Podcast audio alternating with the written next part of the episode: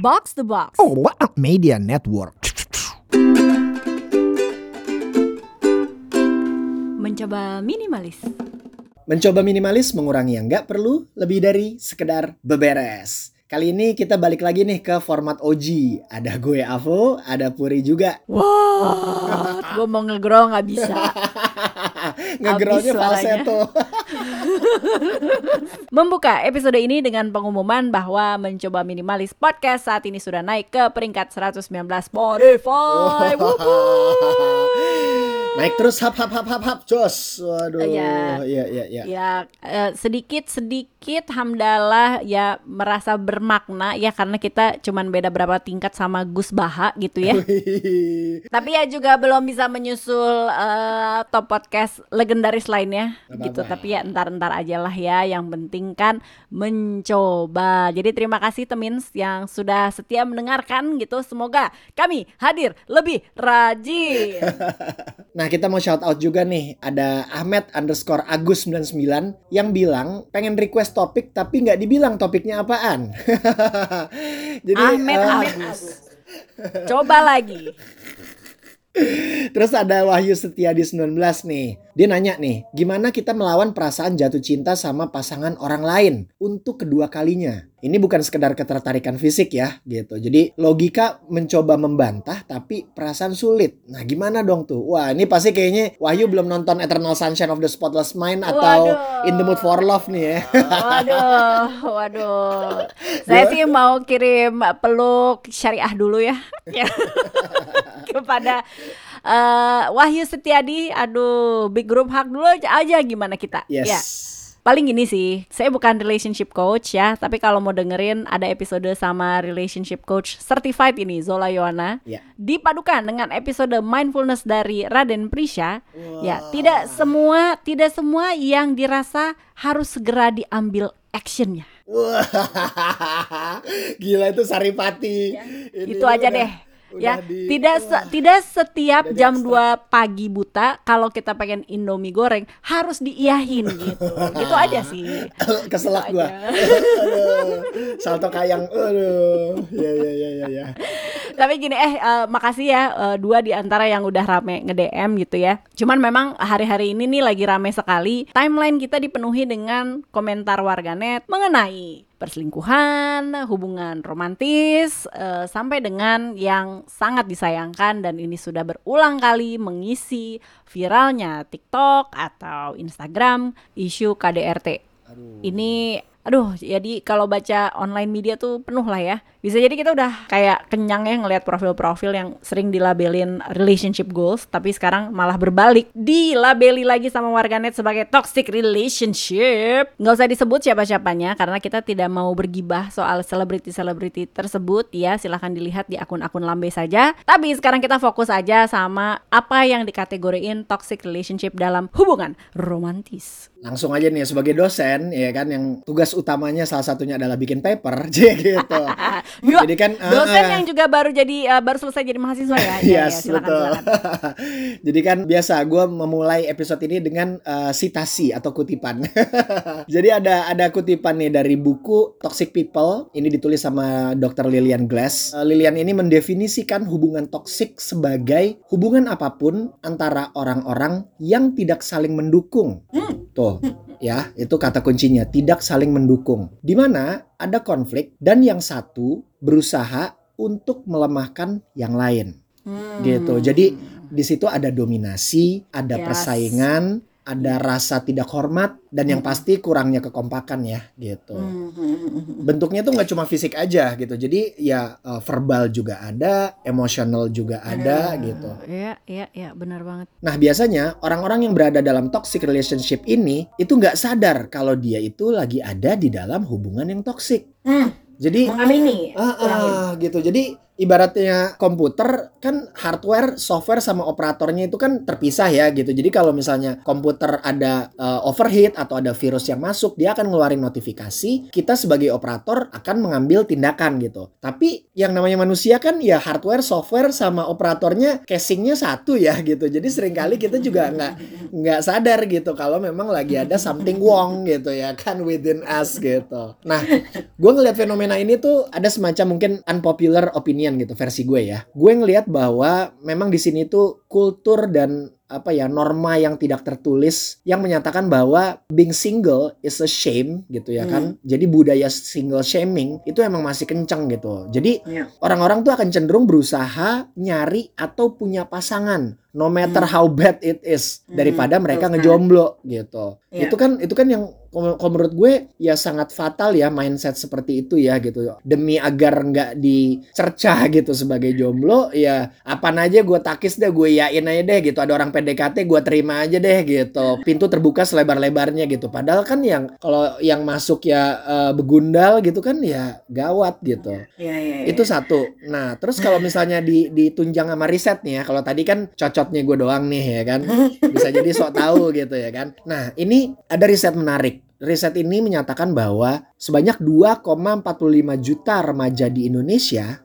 itu tergolong sebagai orang dengan gangguan jiwa. Ini hampir dua setengah juta ya dua setengah juta itu bukan jumlah yang sedikit ya guys ya gitu. Lo ngelihat ada satu dua orang di sekeliling kalian yang eh, memiliki mental health issue aja itu udah udah cukup pelik gitu ya kan untuk menggoyahkan geng kalian gitu. Nih kalau di total-total dari Sabang sampai Merauke gitu kan dari Aceh sampai Papua hampir dua setengah juta nih remaja. Ini baru remaja ya Pur ya, belum Iya. yang dewasa gitu. Hmm. Jadi biasanya ranah atau isu-isu yang eh, di mana mereka mengalami gangguan mental ini meliputi masalah keluarga, Ya. terus masalah relasi teman sebaya, sekolah atau pekerjaan, sama sisanya itu eh, personal eh, atau internal. Kebayangan kalau generasi mudanya aja korslet, ya gimana ketika remaja-remaja ini saling bertemu, amprokan satu sama lain gitu, terus jadian Hmm. Gitu, terus naracap gitu, terus ngedate gitu. Kira-kira relasinya tuh bakal sehat atau malah meleduk gitu kan kayak mercon ke samber api gitu kan. Jadi kalau yang gue lihat ketika kultur dan kondisi psikis masyarakatnya juga nggak puguh, ya pasti kasus-kasus yang serupa ya akan terus muncul tuh dan meningkat gitu pur. Ya, ini akan mengingatkan kita sama episode yang lama lupa deh gue bahwa orang tuh punya kematangan. Gue pikir kan usia 17 tahun, 18 tahun gitu. 25 tahun 25 secara tahun. biologis dan emosional. Yes. Prefrontal cortex kita sebagai manusia baru sempurna usia 25 tahun. Jadi ketika kita pikir kita pengen makan coklat, semua yang berwarna coklat dirasa pengen disikat. Tapi taunya itu adalah tinja. Nah, tolong, tolong jangan sampai di urusan eh, romantic relationship kita juga kepleset ya. Asli. Tapi gini, setuju bahwa apa single shaming itu ada di kultur kita yang mayoritas patriarki ya. Ya. Udah sering lah kita ngomongin ini. Eh, belum lagi yang post divorce ya, yang sudah berani keluar dari hubungan dan akhirnya kembali menjadi single. Waduh, tuh kayaknya digibahinnya nggak cuman se-RT ya. Aduh. Dan setiap setiap kumpul keluarga kayaknya ya selalu ada yang ngegibahin gitu. Jadi mau peluk dulu sama yang sudah mengalami, mudah-mudahan diberikan kekuatan. Tapi untuk yang ngerasa kayak ini jadi gue sebenarnya di toxic relationship apa enggak nih ya gitu. Oke, jadi ini ada siklus. Jadi siklus toxic relationship ini gue mengutip ada teori siklus kekerasan dari Lenore E. Walker yang dia bilang hubungan abusive ya ditandai dengan pola berulang. Nah lo lihat sekarang eh, lo dengan siapa sudah berapa lama polanya kayak gini nggak? Satu tension building. Jadi ada ketegangan. Ketegangan itu mulai muncul kapan? Ketika lo sebagai korban mulai ngerasa hati-hati supaya pelaku nggak meledak atau murka. Aduh.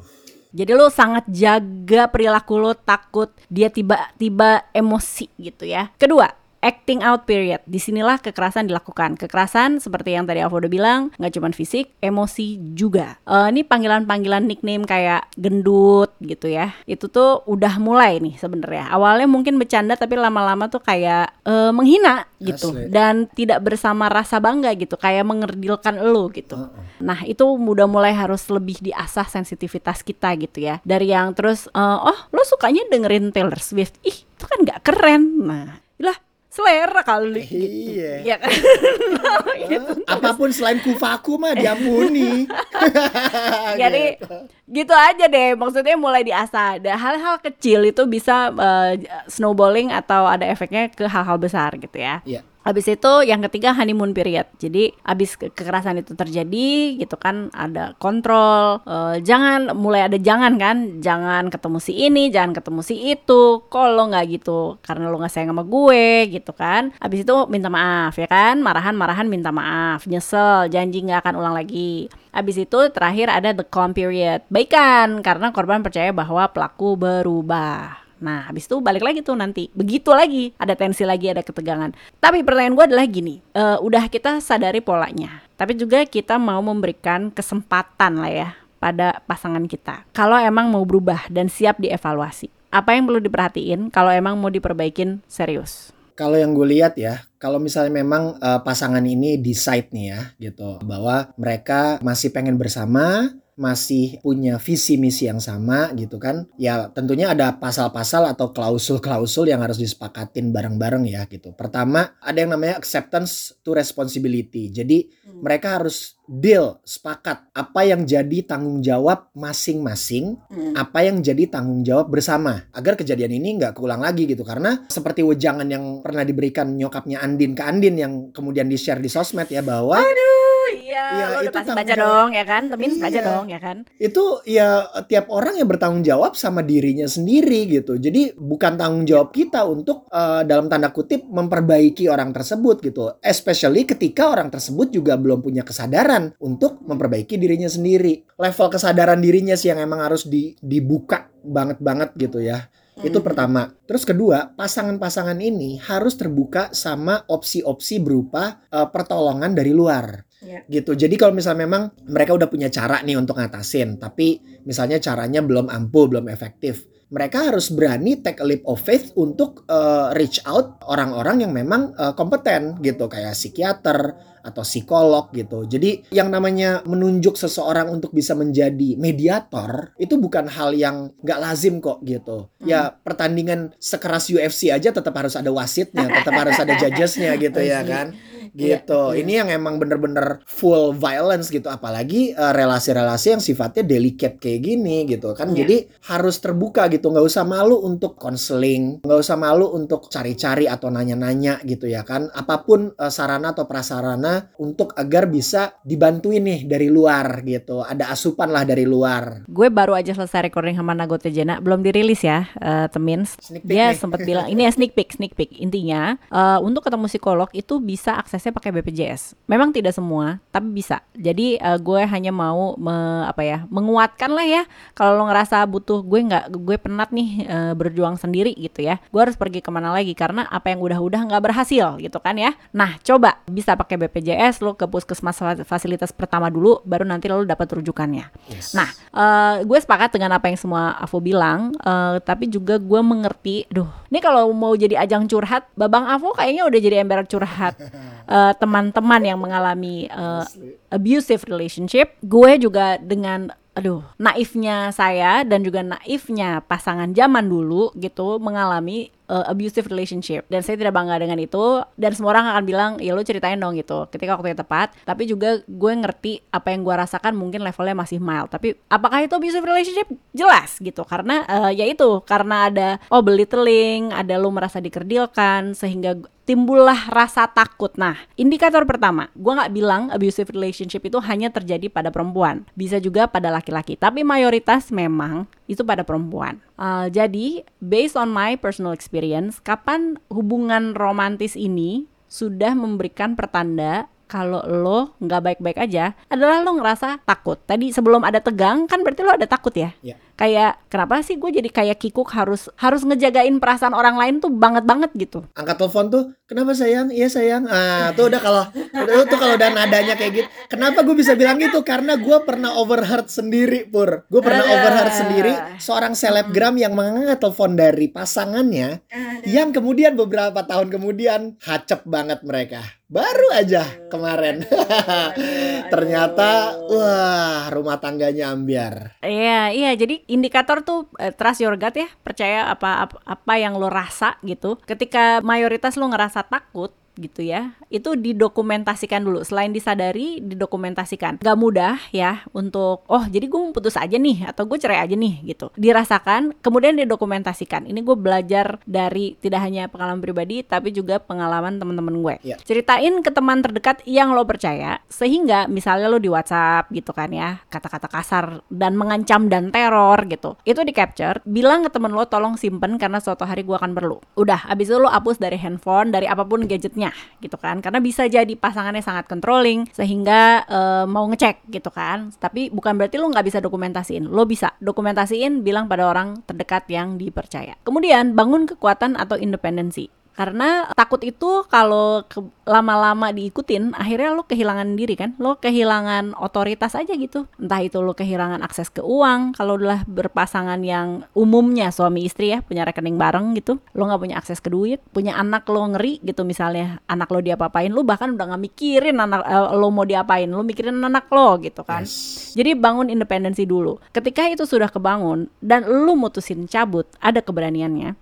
gue masih nyimpan kok pur. Uh, salah satu email yang isinya barbuk gitu. Jadi kebetulan waktu itu ada salah satu temen gue gitu kan yang istilahnya gue sempat mendampingi dia lah gitu uh, menjal ya? di masa sulit hmm. itu gue encourage dia untuk keeping all the backup gitu dan share it to the uh, trusted person gitu ya kan hmm. terus suatu hari dia ngirim out of nowhere dia kirim email ke gue gitu Vo ini semua barbuk ada di Google Drive ini uh, pokoknya yes. if there's something happen to me lo gue kasih kuasa untuk bisa rilis ini gitu ke orang yeah. tua gue atau ke pihak berwenang lah istilahnya gitu. Ih pas banget lo bilang kayak gini. Kenapa? Nah ini lanjutan tadi intinya gini deh. Gue berempati sama lo gitu ya uh, kalau lo dengerin dan lo mengalaminya I'm so sorry. Bangun kekuatan kalau lo belum siap ya siap meninggalkan gitu. Karena itu tadi takut disudutin bergantung secara ekonomi yeah. mikirin anak gitu ya. Takut anaknya dia apa-apain dapetin teror gitu. Sehingga nah ini ada dasar hukumnya. Kenapa penting banget lo temuin orang yang lo percaya untuk kirim semua itu? Nah Babang Avo bagaimana Babang dari sudut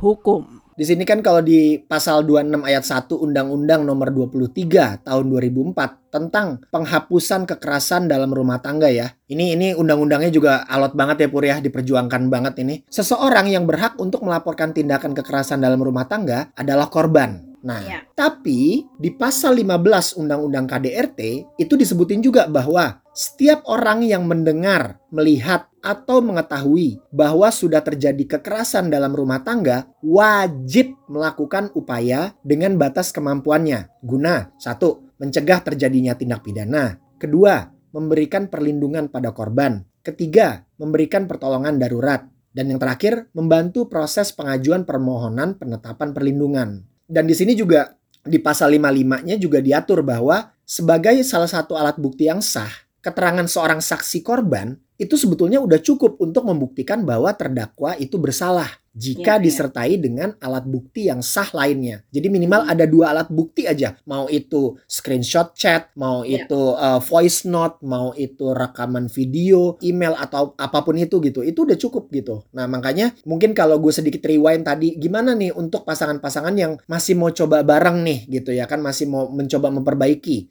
Ya, cinta boleh, bego jangan ya gitu. Jadi yang namanya prenuptial atau postnuptial agreement itu kayaknya wajib untuk dikonsider gitu. Yeah. Jadi buat yang belum nikah itu biasanya prenuptial agreement bisa dibuat satu kali dan bisa direvisi satu kali setelah mereka menikah. Tapi kalau yeah. postnuptial agreement itu cuma boleh sekali gitu. Jadi make sure hmm. apa pun yang uh, bakal dicantumin di dalam postnuptial agreement itu itu bisa melindungi temins dari resiko-resiko yang ada. Seringkali kan itu dianggap kayak oh lo lo memulai ini dengan pengen cerai gitu ya. Enggak, itu sebenarnya adalah emosi itu kan naik turun. Apa yang stabil adalah kesepakatan.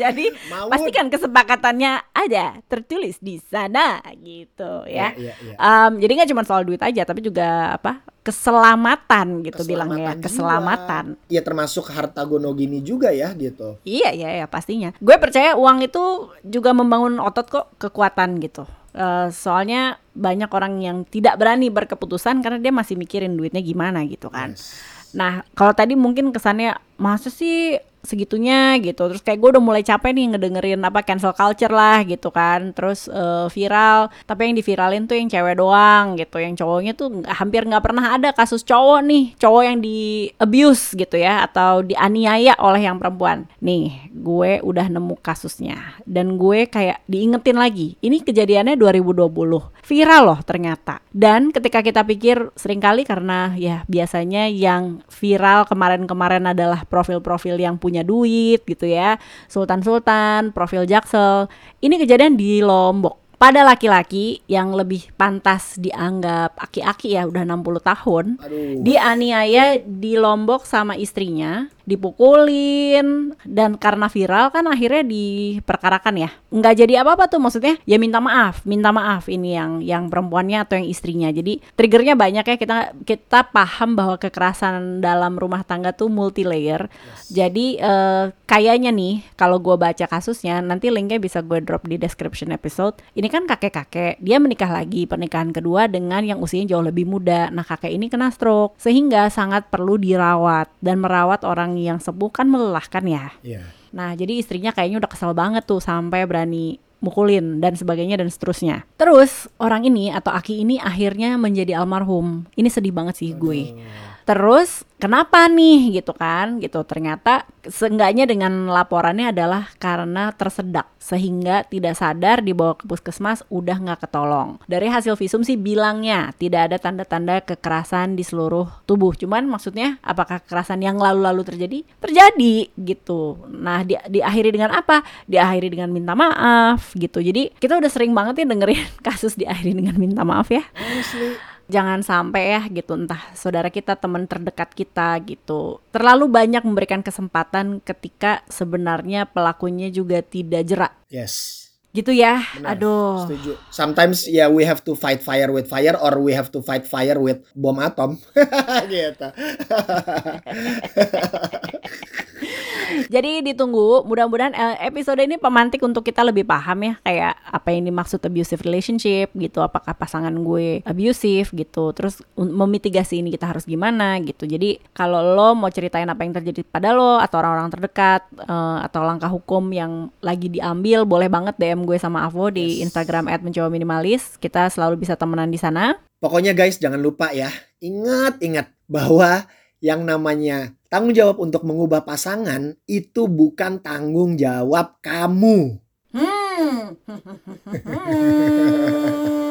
Kalau boleh nambahin ya, sekali lagi, hubungan romantis adalah kerjasama, bukan kerja paksa, apalagi kerja rodi.